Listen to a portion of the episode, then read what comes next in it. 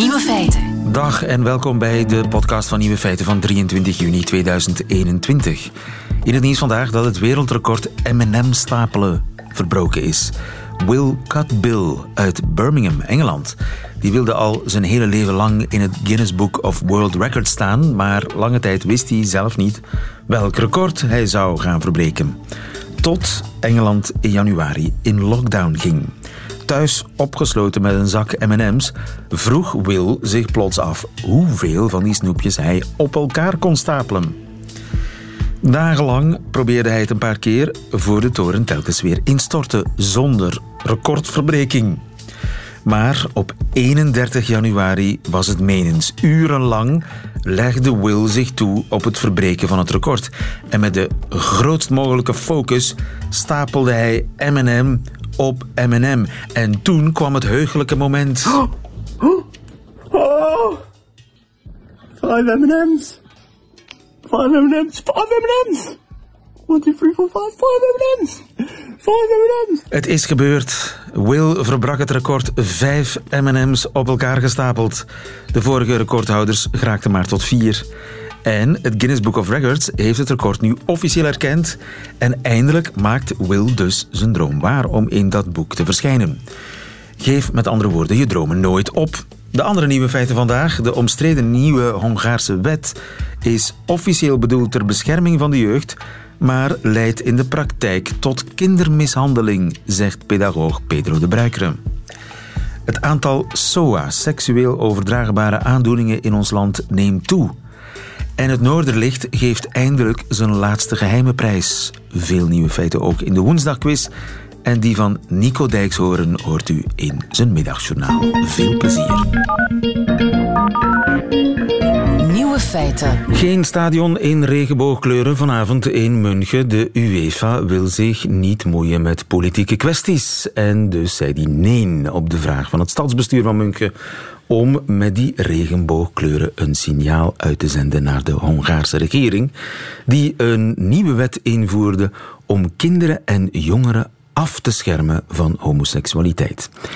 Die wet vindt uh, Ursula von der Leyen een schande, de commissievoorzitter, wellicht omdat het een schending inhoudt van het gelijkheidsbeginsel en van de mensenrechten. Maar Eén vraag is een beetje onderbelicht gebleven tot nu toe. Wat doet die wet met de Hongaarse jeugd ter bescherming waarvan die officieel bedoeld is? Pedro de Bruikere, goedemiddag. Een goedemiddag. Uh, pedagoog, onze huispedagoog, maar ook pedagoog aan de Artevelde Hogeschool in Gent en ook in Leiden hè, aan de universiteit. Oh, altijd, ja. In Hongarije is het verboden om homoseksualiteit te promoten, tussen aanhalingstekens onder jongeren en kinderen. En scholen die voorlichting geven over homoseksualiteit, die krijgen een boete. Wat vindt de pedagoog Pedro de Bruiker daarvan? Ik vind dat behoorlijk verschrikkelijk. Um, en ik kan ook daarvoor naar de wetenschap verwijzen. Wat we zien is, um, het is een periode waarin dat bijvoorbeeld bij tieners, dat men op zoek is naar zichzelf. En we weten dat uh, in de wereld nu uh, jongeren steeds vroeger uit de kast komen. En dat is eens wel positief. We hebben zowel eens onderzoek uit bijvoorbeeld Nederland, maar ook Amerikaans onderzoek, die toont als je vroeger uit de kast komt, uh, de kans dat je misschien minder gaat gepest worden, is spijtig genoeg mm, relatief klein. Maar het heeft een enorme impact op je zelfvertrouwen. En in dit geval wordt het in feite onmogelijk gemaakt.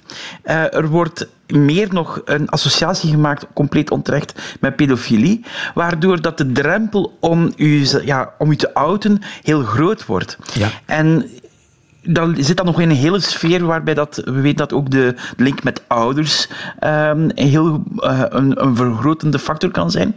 En we weten, onder andere terug ook uit Nederlands onderzoek, dat dan de kans bijvoorbeeld, als je uh, ja, jezelf moet onderdrukken dat, uh, en ook gepest wordt in een sfeer die anti-holibi is, dat de kans op zelfmoord bijvoorbeeld veel groter wordt. Ja, zelfmoord is een belangrijke doodsoorzaak hè? bij homo-jongeren. Ja, en, en ik denk dat um, al die elementen samen, uh, eerlijk gezegd, een, een, heel negatieve, een heel negatief effect kan hebben op uh, jongeren, op kinderen in uh, Hongarije. Ja, want wat weinig mensen beseffen is hoe vroeg tieners beseffen dat ze niet, niet hetero zijn. Hè? Ja, dat, dat kan variëren, maar we zien dat dat vrij vroeg komt. En uh, we hebben nu gezien dat die identiteitsvorming, waar ook uh, gender en geaardheid een element van is natuurlijk, um, dat die heel belangrijk is. Uh, ik heb zelf de voorbije tijd samen met mijn collega's gewerkt aan een soort van update over wat allemaal in psychologie over jongeren en over kinderen geweten is. En dan zien we dat die identiteitsvorming, wat dat daarover gezegd wordt, het, het stukje experimenteren, maar ook jezelf vinden, dat dat echt wel een wel degelijk een belangrijke opdracht is. En op dit moment krijgt dus een deel van de Hongaarse jongeren te horen van in feite ben jij niet goed en als je dit zegt dan bestaat zelfs het gevaar dat je een pedofiel bent en dat is crimineel en uh, we gaan u daar compleet van afschermen. We gaan ook, we weten bijvoorbeeld hoe belangrijk rolmodellen zijn. Die rolmodellen mag je niet zien. Ja, want ook dat, is verboden in boeken of in, in, in, reclame en in films mag het niet te zien zijn. Want dat is klopt. ook promotie. Ja, en, en, en er is een soort van idee van um, mensen zijn dat, dat wordt blijkbaar aangeleerd. Dat is een zeer oud idee dat compleet achterhaald is. Um, en die rolmodellen zijn net een, een heel belangrijk middel om, om die kracht te vinden om dat te zeggen van ja, ik val op hetzelfde geslacht of op beide geslachten. Of ik heb een andere uh, element die misschien niet de norm is die nu Hongarije voorlegt, maar die wel ik ben. Ja. En we weten dat die, het effect op lange termijn bijvoorbeeld, want um, dat zelfvertrouwen, men heeft dat ook gekeken van wat doet dan de jaren nadien, dat helpt hen ook wel beter gelukkiger in het leven staan. Dus op die manier wordt er een stuk geluk afgenomen. Ja, hoe vroeger je uit de kast komt, hoe beter. En als je in de kast blijft zitten, dan creëren eigenlijk een gigantisch probleem van schaamte, van gebrek aan zelfvertrouwen. Klopt. En ook een sfeer waarin dat die ook toch echt wel meer gepest worden ook nog. Want je mag niet vergeten, eh, we hebben het nu over de kinderen zelf die uit de kast zouden willen komen. Maar je hebt ook de omgeving. Je krijgt een soort van toxische omgeving waarbij dat... Um, ja, je, ook, een wat vrouwelijkere jongen bijvoorbeeld, die zal al, al heel snel met goedkeuring van de regering gepest worden. En wat het erg is, we zien als we bijvoorbeeld hier in Vlaanderen kijken, we zijn er nog niet voor alle duidelijkheid, maar we hebben, als je kijkt naar de jeugd, het jeugdonderzoeksplatform, dan zien we dat de verdraagzaamheid bijvoorbeeld bij de Vlaamse jongeren verbetert. En we merken dit in veel landen, dat jongeren in feite daar veel uh, gewoner en gewoner mee beginnen omgaan. Ja. En ja, dan is het wel heel erg als er een, ja, dat gekeerd probeert te worden. Ja, want uh, wat weinig mensen beseffen is dat eigenlijk elke homoseksueel uh, in een gevechtssituatie opgroeit. Want elke homoseksuele tiener ja, moet in het, moet, moet, staat er alleen voor. Als hij beseft als 12, 13-jarige, en dat komt heel vaak voor, um, dat hij beseft, ik, ik ben een homoseksueel in een heteroseksuele wereld. En ik moet daar iets mee doen, maar wat? Ik sta er alleen voor in eerste instantie. Ja, en, en dan merk je dat we gelukkig hier in, in, in, in Vlaanderen uh, organisaties hebben die uh, waar ze terecht kunnen. Uh, wel jong niet hetero bijvoorbeeld.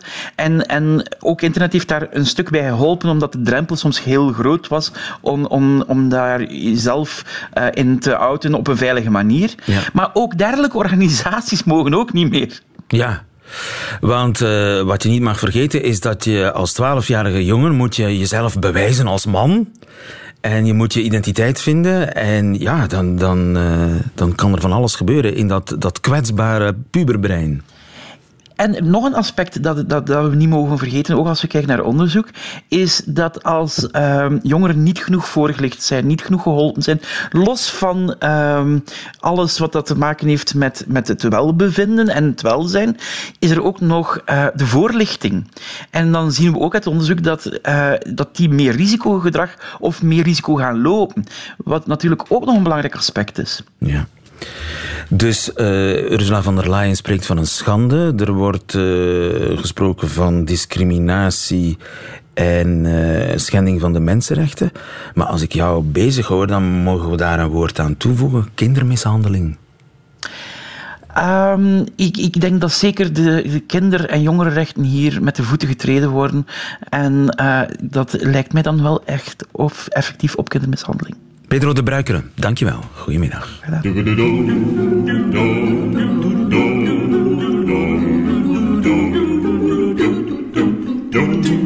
Nieuwe feiten.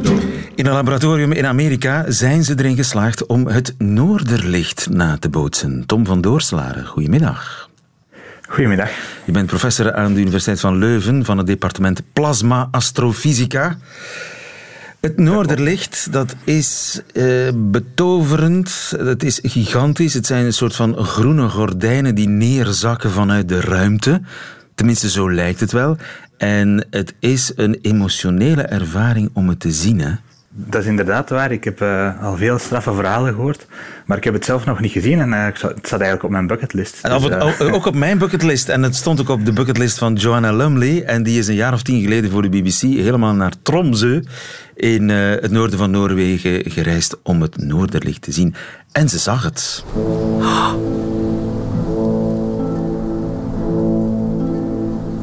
Look up here. Look what's happening here.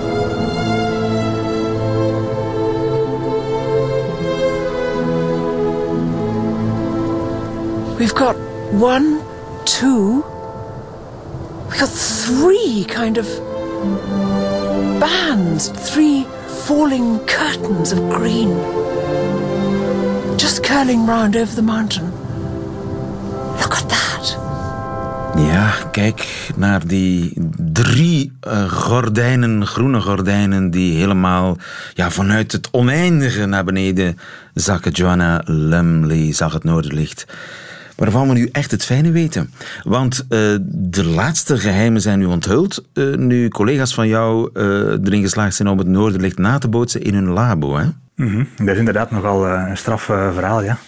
Nu, ik vrees dat je bij mij bij het begin moet beginnen, Tom. Wat is Noorderlicht? Wat gebeurt er eigenlijk bij Noorderlicht? Ja, dus Noorderlicht is uh, licht gaan we zien doordat er uh, atomen sterk afgeremd worden en die gaan, gaan botsen met atomen in de lucht, bijvoorbeeld zuurstof. Dan krijgen we die typisch groene kleur. En dan is natuurlijk de vraag, waarom komen er atomen uit de ruimte op de aarde toe? En dat was altijd al een groot probleem. Dus er waren verschillende theorieën er werd gezegd, die, die deeltjes komen van de zon en vallen dan op de aarde in. Of die worden gewoon ter plaatse ge, versneld door, door een stroom erin te zetten. Of die kunnen rei, meereizen op uh, alfeengolven, uh, dat zijn magnetische golven. En uh, dus nu in die experimenten, in die plasmabuis in Californië, lijkt het dat dat laatste toch wel het, het meest waarschijnlijke is. Alfvengolven. Ja, Alfveen was uh, een Alfveen. natuurkundige. Ja, is de naam, ja, ja, ja. ja, ja Zoals de, de, de gevallen premier van Zweden, Löfven. Dus Alfveengolven, ja. Dus, en wat zijn dat? Alfveengolven zijn eigenlijk heel speciale golven. En Hannes Alfveen was de eerste die dat door had. Dat magneetveld eigenlijk ook kan uh, gebruikt worden als, uh, als kracht. En die magneetveld geeft ook een spanningskracht. Net zoals in een, uh, in een rekker of in een springtouw. Als we dat gaan opspannen en we trekken daaraan, gaat dat terugveren. En bij een magneetveld is dat net hetzelfde. Dus als we het magneetveld gaan verplaatsen naar links of naar rechts, gaat dat ook terug willen veren naar zijn oorspronkelijke positie. Ja. En die alveengolven zijn dus eigenlijk magnetische golven. En het beste is dus gewoon een, een koord waar dat je, je voor te stellen, een koord waar je aan, uh, aan schudt aan één kant, daar gaan uh, golven in voortreizen. En dat lijkt wel heel erg op die alveengolven. Ja, en die zijn er altijd? Wel, die zijn er niet altijd, nee. De, de magnetosfeer van de aarde, dus het magneetveld rond de aarde, dus een bubbel, hè, die wordt de hele tijd geduwd door uh, de zonnewind. Die, er zijn altijd verstoringen van de zonnewind. Uh, en maar het is door een resonantie tussen die zonnewind en de, het aardmagneetveld dat die golven opgewerkt worden. Aha. Dus die. Dus de, dat kun... de, de aarde is eigenlijk een soort van magneet, een gigantische magneet. Ja, dan meet je met je kompas. Hè? En de zon die stuurt voortdurend uh, elektrische deeltjes, zonnewind, naar de aarde. En die twee komen met elkaar in botsing. Ja, dat is juist. Dus ja, die, die magneet en het magnetisch veld komt in botsing met de elektrisch geladen deeltjes die de zon stuurt. En die botsing ja. veroorzaakt alveengolven. Ja, dat is juist, ja. Oké. Okay. En hoe, hoe ontstaat dat licht dan? Die, in, die, die elektrische deeltjes worden omgezet in, in licht door die botsing? Nee, nee, dus de elektrische deeltjes die van de, van het, uh, ja, van de zonnewind komen, die botsen dan tegen deeltjes in de, in de atmosfeer van de aarde die natuurlijk in rust staan. Uh, en daardoor komt er dan heel veel energie vrij. En die energie zien we als licht. Aha, die energie zien we als licht. Dus het is eigenlijk opgelost, het, het mysterie van het Noorderlicht. Ja, het is toch wel een uh, goede stap vooruit. Natuurlijk moet er nu nog een wetenschappelijk proces komen waarbij dat dit uh, nagekeken wordt in andere omstandigheden en dan uh, ja, verdere publicaties over gemaakt worden. Hè? Dus die groene gordijnen, dat, dat zijn een soort golvende gordijnen, zo lijkt het wel. Die, die golving zelf, dat mag ik alveengolven noemen. Ja, dat is juist, ja. In een laboratorium in Amerika hebben, die, hebben ze die alveengolven nagebootst en dat is toch wel een heel straffe tour. De laatste geheimen van het Noorderlicht zijn prijsgegeven. Dankjewel Tom van Doorswaren. Goedemiddag. Ja, ja goedemiddag. Radio 1. Nieuwe feiten. Back to the future, zo lijkt het wel. Ik krijg allerlei flashbacks uit de tijd van zet hem op en van eerst bla bla en dan pas boem boem. Of hoe uh, heten die uh, campagnes in de jaren 90, jaren 2000 ook alweer? Campagnes gericht tegen de verspreiding van HIV. Want uh, sens, hoe heet het? Sens, Senseo? Sen, Sensoa, ik vergis me altijd. Sensoa, die lanceert een nieuwe campagne tegen SOAS. Goedemiddag, Wim van den Bergen. Ja, goedemiddag. Epidemioloog van uh, Cienzano. SOA's zijn aan het toenemen? Ja, dat klopt eigenlijk. Sinds, uh, ja, sinds begin uh, 2000, eigenlijk, het, het, jaar waarin dat we uh, zeg maar syfilis zijn beginnen opvolgen, zien we eigenlijk het aantal SOA's toenemen. Um, voornamelijk chlamydia en gonorreu en syfilis. Dat zijn eigenlijk de drie SOA die we binnen ons labonetwerk opvolgen. Ja, HIV zit daar niet bij. HIV wordt ook opgevolgd door Cienzano, maar dat is inderdaad een, een andere uh, surveillance, een andere opvolging. En die drie klassieke uh, seksueel overdraagbare aandoeningen, zeg maar, die zitten ook in de lift sinds, uh, niet letterlijk natuurlijk, tenminste dat mogen we hopen, uh, sinds de jaren 2000 al. Ja, dat klopt. Uh, nu, sinds, sinds die tijd is er natuurlijk veel veranderd. Er wordt anders getest um, en er wordt ook veel meer gericht getest. En ook de, het type testen zijn ook veel gevoeliger geworden doorheen de jaren. Dus we moeten dat allemaal meenemen. En dus we zien inderdaad een toename. Uh, maar die toename, zeker voor uh, chlamydia, is toch in, grote mate uh, te wijten aan, aan het feit dat er ook meer getest wordt en dat er ook veel dat er betere testen gewoon voorhanden zijn. Er zijn gewoon betere testen voorhanden, er wordt ook meer getest. Maken mensen zich meer zorgen? Hebben mensen minder drempel om zich te laten testen? Um, het is zeker zo dat, um, ja, dat doorheen de jaren hè, dat, uh, ja, dat het gesprek met de huisarts uh, verbeterd is daarover. Dus dat mensen ook wel weten waar ze zich uh, kunnen laten testen. Maar ja, dat kan nog beter, denk ik. Ehm, dus meer sensibilisering, zoals vandaag in de campagne van Sensoa, dat kan, dat kan alleen maar, zeg maar de situatie ten goede komen. Ja. Is het zo dat mensen vaker het condoom achterwege laten? Dan vroeger, toen, toen HIV nog een, een soort doembeeld was. Een veel groter doembeeld dan vandaag? Ja. Nu, um, daarover eigenlijk zijn er geen recente cijfers, zeker niet wat, er, uh, wat betreft eigenlijk de algemene bevolking. Uh, de laatste cijfers uh, zijn al van een tijdje geleden. Um, eigenlijk hebben we daar weinig zicht op, op um, in hoeverre dat het condoom in het algemeen meer achterwege gelaten wordt. Nu, HIV komt eigenlijk ook voornamelijk voor onder, onder bepaalde risicogroepen. en daar weten we gewoon ook dat het condoom ook wel minder gebruikt wordt. Um, dus, maar dat, ja, dat ligt eerder aan de dynamiek binnen die groepen dan, dan dat het iets is onder de algemene bevolking. Nu, uh, chlamydia, gonorree en uh, syphilis, zijn die alle drie even gevaarlijk? In mijn, in mijn oren klinkt syphilis het gevaarlijkst. Ik weet niet of dat terecht is. Ja, wel, en ik denk dat, dat belangrijk is dat we niet altijd in termen van, van gevaar spreken. Hè. De, de drie, uh, dat zijn drie bacteriële infecties die op zich wel behandelbaar zijn. Hè. Uh, dat is niet te vergelijken met HIV.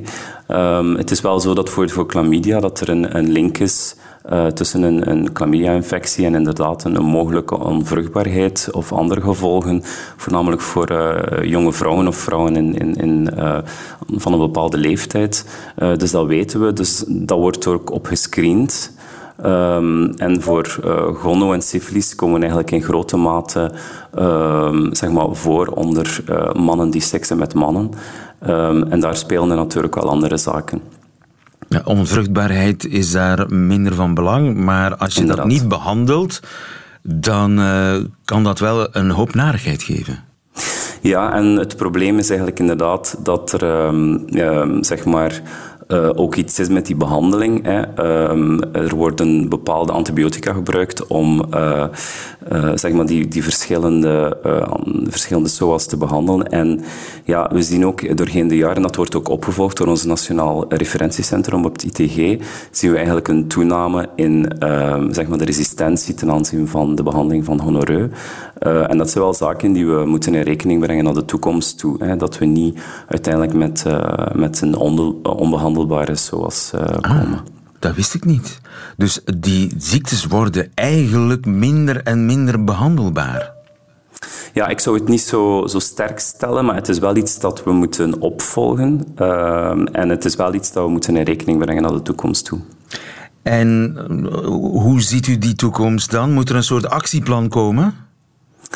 Wel, dat is iets waar we inderdaad over aan het nadenken zijn met de verschillende partners en met het veld, om uh, naar de toekomst toe inderdaad uh, wat preventie betreft, uh, maar ook testen, behandeling, dat we al die zaken meenemen om een soort van nationaal SOA-plan te krijgen uiteindelijk. En dat zijn zaken waar we nu over aan het nadenken zijn. Aha, dus er moet eigenlijk een nieuwe Zet hem op-campagne komen. Wel, ik denk zo'n campagne is belangrijk om, om, om zeg maar, de bevolking verder te sensibiliseren rond het bestaan van SOAS. Um, en dat, ja, dat inderdaad, uh, ik denk dat dat nu uh, wel heel erg belangrijk is dat dat blijft gebeuren. Maar ik denk voor een, een, een, aanpak naar de toekomst toe, samen met uh, de verschillende partners in het veld, um, denk ik wel dat het belangrijk is dat er een plan komt uiteindelijk. Wim van den Bergen, epidemioloog van Cienzano, dankjewel. Goedemiddag. Goedemiddag. Nieuwe feiten. Woensdagquiz. Bittere ernst, de woensdagquiz. We spelen voor 25 euro. Een boekenbon van 25 euro te verzilveren bij een boekhandelaar aangesloten bij Confituur, de onafhankelijke boekhandelarenfederatie. We spelen met Sarah uit Avelgem. Goedemiddag, Sarah. Wat Hallo. Was, wat was je aan het doen? Ik was op weg naar huis. Je was op weg naar huis in Avelgem. En hier Ah, ja. ontstond een discussie in de studio over het Oost-Vlaamschap of het West-Vlaamschap van Avelgem. Ah, West-Vlaanderen, net de grens. Met de, gren- maar jullie spreken eigenlijk geen zuiver West-Vlaams. Nee, nee, nee, nee. Niet het eigen kweek West-Vlaams, dat hebben wij niet. Nee, jullie hebben eerder een Oost-Vlaams. De dialectgrens en de provinciegrens te- stemmen niet helemaal overeen. Nee, dat is waar. Ovelgem. Voilà. Ja. Je speelt tegen Andy. Ja, goedemiddag. Andy uit Koekelaren. Jij bent wel degelijk een West-Vlaams sprekende West-Vlaming. Ja, het zal wel zien. En wat was je aan het doen? Eh, ik was aan het eten samen met mijn gezin. Ah, aan het eten met het gezin. En patatjes? Ah, nee, nee, nee, nee. Eh, volle van met rijst. Oh, heb ik daar nu zo zin in, zeg. Volle van met rijst. Goed, eh, ik begin bij Sarah, want ik heb vier meer keuzevragen. Sarah heeft zich eerst gemeld en zolang zij juist antwoordt, blijft ze aan de beurt bij een fout antwoord. Mag de tegenkandidaat in casu Andy een eh, poging doen en wie het laatste juiste antwoord heeft gegeven, die wint. Is dat duidelijk? Ja. Dat is duidelijk. En Gilles, jij, jij bent al hoorbaar geweest lachende. Gilles, jij hebt de, de quiz samengesteld en zal jury, jureren bij twijfel. Hier gaan we. De nieuwste James Bond film, No Time to Die, die zou na lang, lang uitstel dan toch op 30 september uitkomen. Maar enkele scènes die moesten eerst nog snel opnieuw gefilmd worden. Waarom? A. De producenten wilden Bonds Aston Martin vervangen door een elektrische auto. B. De telefoon van James Bond was intussen verouderd. C. Een martini shaken kan nierstenen veroorzaken. Wat denk je, Sarah? Ik ga voor A. Je gaat voor A. Fout. Andy, wat denk jij? Ik dacht B. Je denkt B. Dat is helemaal goed. Jill? Ja, want James Bond films zitten vol met product placement. Hè. Hij drinkt Heineken en hij rijdt in een Aston Martin. En ja, gsm-merken doen dat dus ook. En dus in de film die normaal in 2020 zou uitkomen, heeft hij de nieuwste Nokia-telefoon. Alleen is dat niet meer de nieuwste Nokia-telefoon wanneer die film nu in september 2021 uitkomt. En dus hebben ze al die scènes waar die telefoon in Waar voorkomt... die telefoon in voorkomt, hebben ze dan een aangepast model op, erin opnieuw gezet. Jeetje. Opnieuw opgenomen. Het moet wel een aardige cent gekost hebben. Ja, maar ik denk dat het meer zal opleveren, anders zouden ze het niet doen. Ik blijf bij Andy. Voor vraag 2, Italiaanse en Zwitserse wetenschappers die hebben voor een groots project samengewerkt. Wat hebben ze gedaan? A. Voor een sociologisch experiment wilde- wisselden ze alle inwoners van een Zwitsers en van een Italiaans dorp van woonplaats. B. Ze vlogen met een jetpack naar de top van de Mont Blanc. C. Ze brachten ijs van de Alpen naar de Zuidpool. Andy, wat denk je? Ehm A. Fout. Sarah. Goh. Hmm, C. C.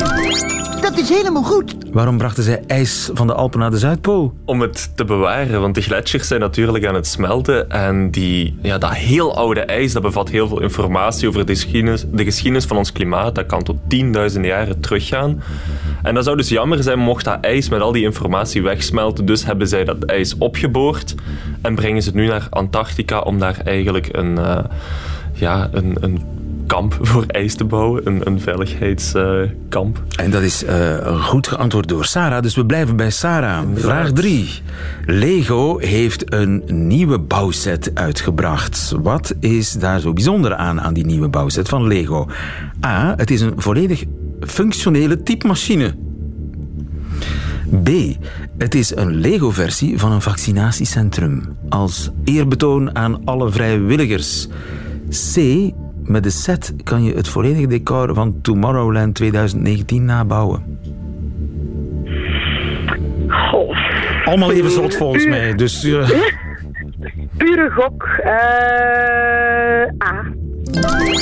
Dat is helemaal goed. Goed gegokt. goed gegokt, een typemachine die volledig werkt. Ja, alleen ja, volledig werkt, behalve dan het feit dat hij er niet mee kan schrijven. Maar ja, de mechaniek erachter en in het machine werkt echt perfect zoals een, eh, ja, een antieke type machine. En het was een idee van een, eh, een Lego-fan. En Lego heeft het nu dus in productie gebracht. Hoeveel kost dat? 167 euro. Oké, dan begin al vast te sparen voor eh, kerst. Een eh, Nederlands ecodorp, Sarah, want ik blijf bij jou voor de laatste en cruciale vraag. Een Nederlands ecodorp wil zo duurzaam mogelijk zijn. Hoe krijgen ze dat gedaan? A. Door straten die elektriciteit genereren wanneer auto's er overheen rijden. B. Door daken te isoleren met jeansbroeken. C. Ieder huis is gebouwd in een serre waardoor de verwarmingskosten aanzienlijk verminderen. Het, goh, ik denk A. Fout. Oeh, oeh, oeh, oeh, dat wordt echt een spannend moment. Andy, je kan het nog redden. Je kan het nog helemaal halen. Die 25 Oei, oei. euro binnen handbereik. Andy, Ik denk eh, C. Fout. Het was B. Het waren de jeansbroeken, ja. Jeansbroeken, inderdaad. Gilles. Ja, jeansbroeken zijn blijkbaar heel goed isolatiemateriaal. Werkt even goed als de klassieke materialen. Alleen omdat het oude broeken zijn die je hergebruikt, is het een stuk duurzamer. Dat betekent dat wij een winnaar Yes. hebben. Sarah?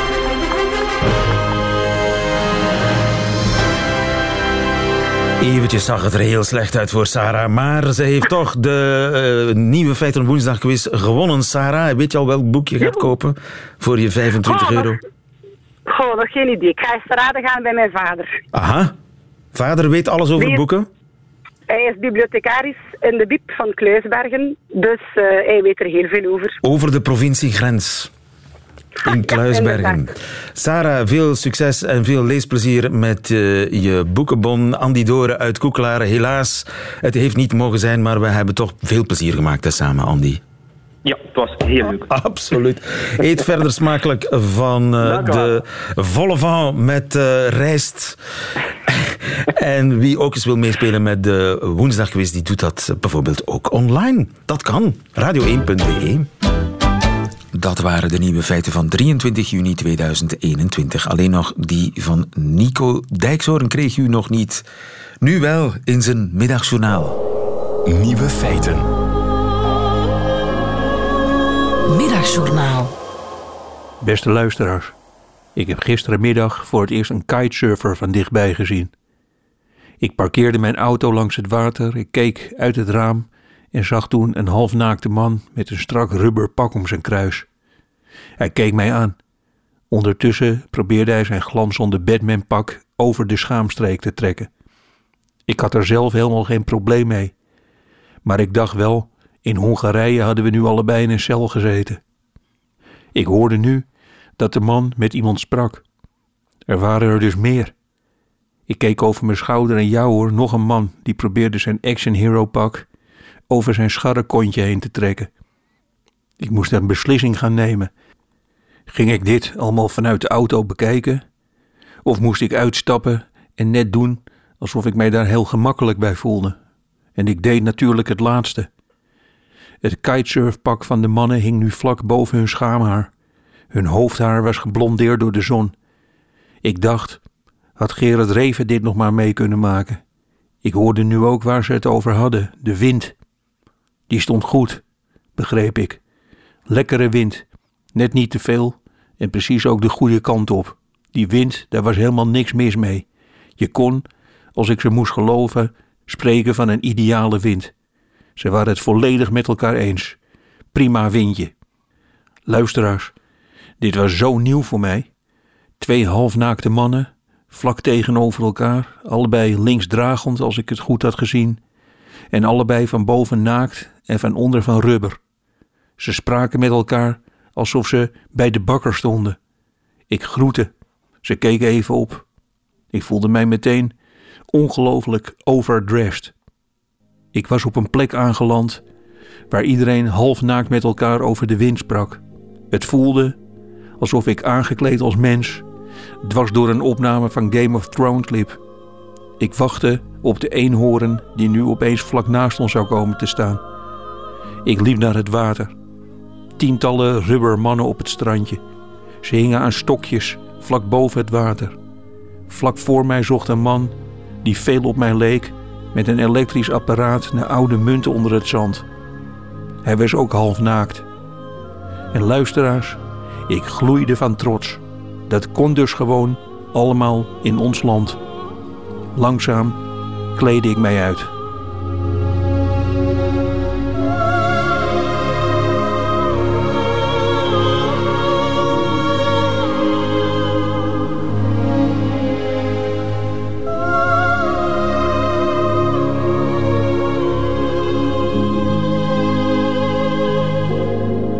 Middagjournaal met Nico Dijkshoorn. En hoe dat afloopt, dan hoort u misschien morgen. Einde van deze podcast hoort u liever de volledige uitzending van Nieuwe Feiten. Dat kan natuurlijk ook via radio1.be of via de Radio 1 app. Tot een volgende keer.